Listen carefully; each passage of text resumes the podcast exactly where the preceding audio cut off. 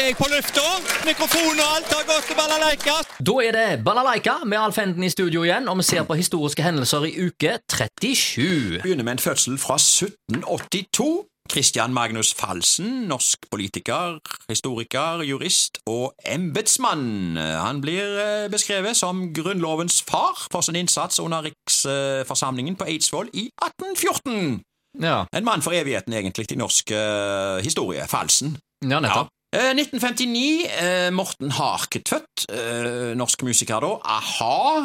Ja, slo gjennom i 1985 med studioalbumet Hunting High and Low der, og singelen eh, Mm. Take On Me Take dette? On Me, ja. ja. Ja, Sun Always Shines on TV og Ja, og så har de hatt sine eh, pauser i a-ha og avskjeder og gått på han igjen, og det er vel ikke mer enn et par uker siden vi Ja. diskuterte Paul Waaktor Savoy hadde Ja, bursdag her, og da lurte vi på hvor er a-ha i dag, det har jeg nå funnet ut. Ja vel. Ja da, de har faktisk talt nettopp gitt ut et nytt album, eh, True North. Ja. Ja, Det ikke så mange som bryr seg lenger. ja, ja det, det surra går. Ja. eh, Og Den gangen de var i Haugesund for å ha konsert, eh, så kom Syndefloden. Ja, det var i 2007. Ja. Det har vel aldri regna så mye som akkurat den Nei, dagen. nei, det, det, det folk som Det var maksimal uflaks. Ja, eh, det, folk kjøpte seg en halvliter øl og sto utendørs med den, og det ble med den ene, for eh, det kom så mange regndråper i de glassene at det, Ja. det, det, Ja, Det fulgte opp fortere enn du greide å drikke det.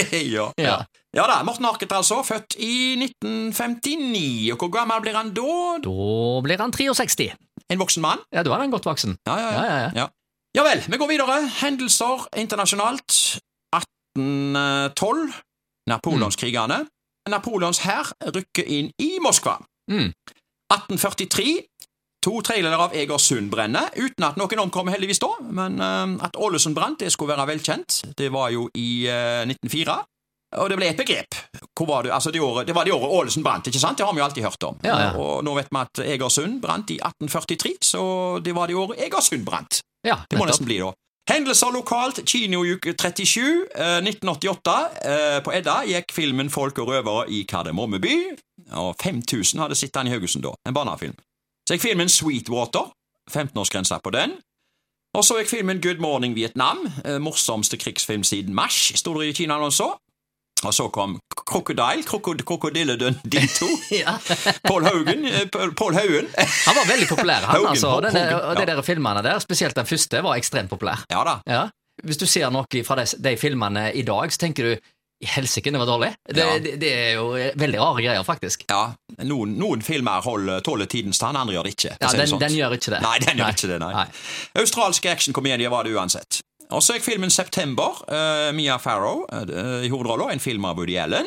Og så tar vi med nattkino her Can't Buy Me Love. Uh, det er jo en Beatles-tittel, det. Mm. Ja.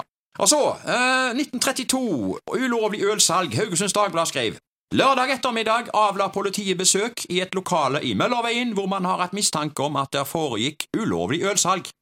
Antagelsen viste seg å være i overensstemmelse med virkeligheten.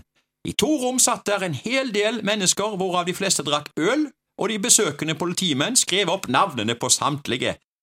Ja, altså Haugesund var jo offisielt tørrlagt helt fra 1918 til 1960, men uoffisielt så ble det drukket øl over en lav sko, og det gjaldt bare ikke å bli oppdaga. Møllerveien var kanskje ikke det perfekte gjemmestedet da, det var jo Det var jo, det var jo Alle visste jo hvor, du- du alle, alle visste, ja, det var. Møllerveien var jo byens navle, holdt de på å si. Ja, så så eh, det var en dumme plass å sitte og drikke øl, syns jeg, da. Ja, ja, ja, Men, eh, Men det var et samlingspunkt, da. det var nok det. 1977. Fotballklubb Profitt på Vestlandsmessen. Eh, Haugesunds hadde overskrift. Vestlandsmessen ble en økonomisk suksess. 200 000 til Haugar og 70 000 til Djerv 1919. Vestlandsmessen 77 ble en dundrende suksess for arrangørklubbene Haugar og Djerv 1919, skriver klubbavisen Heia Haugar i siste nummer. Rundt regnet kunne Haugar innkassere 200 000 kroner i utbytte. Ikke rart at Hauga-kasserer går rundt med onkel Skru om dagen. Mm. Men nå må det for all del legges til at dette beløpet ikke ligger i Hauga-kassen i dag. Store deler av summen er for lengst plassert i gjenstander og til å nedskrive Haugarhuset. Messinntektene har blant annet finansiert elektrisk utstyr på kjøkkenet, møblement, piano, farge-TV etc.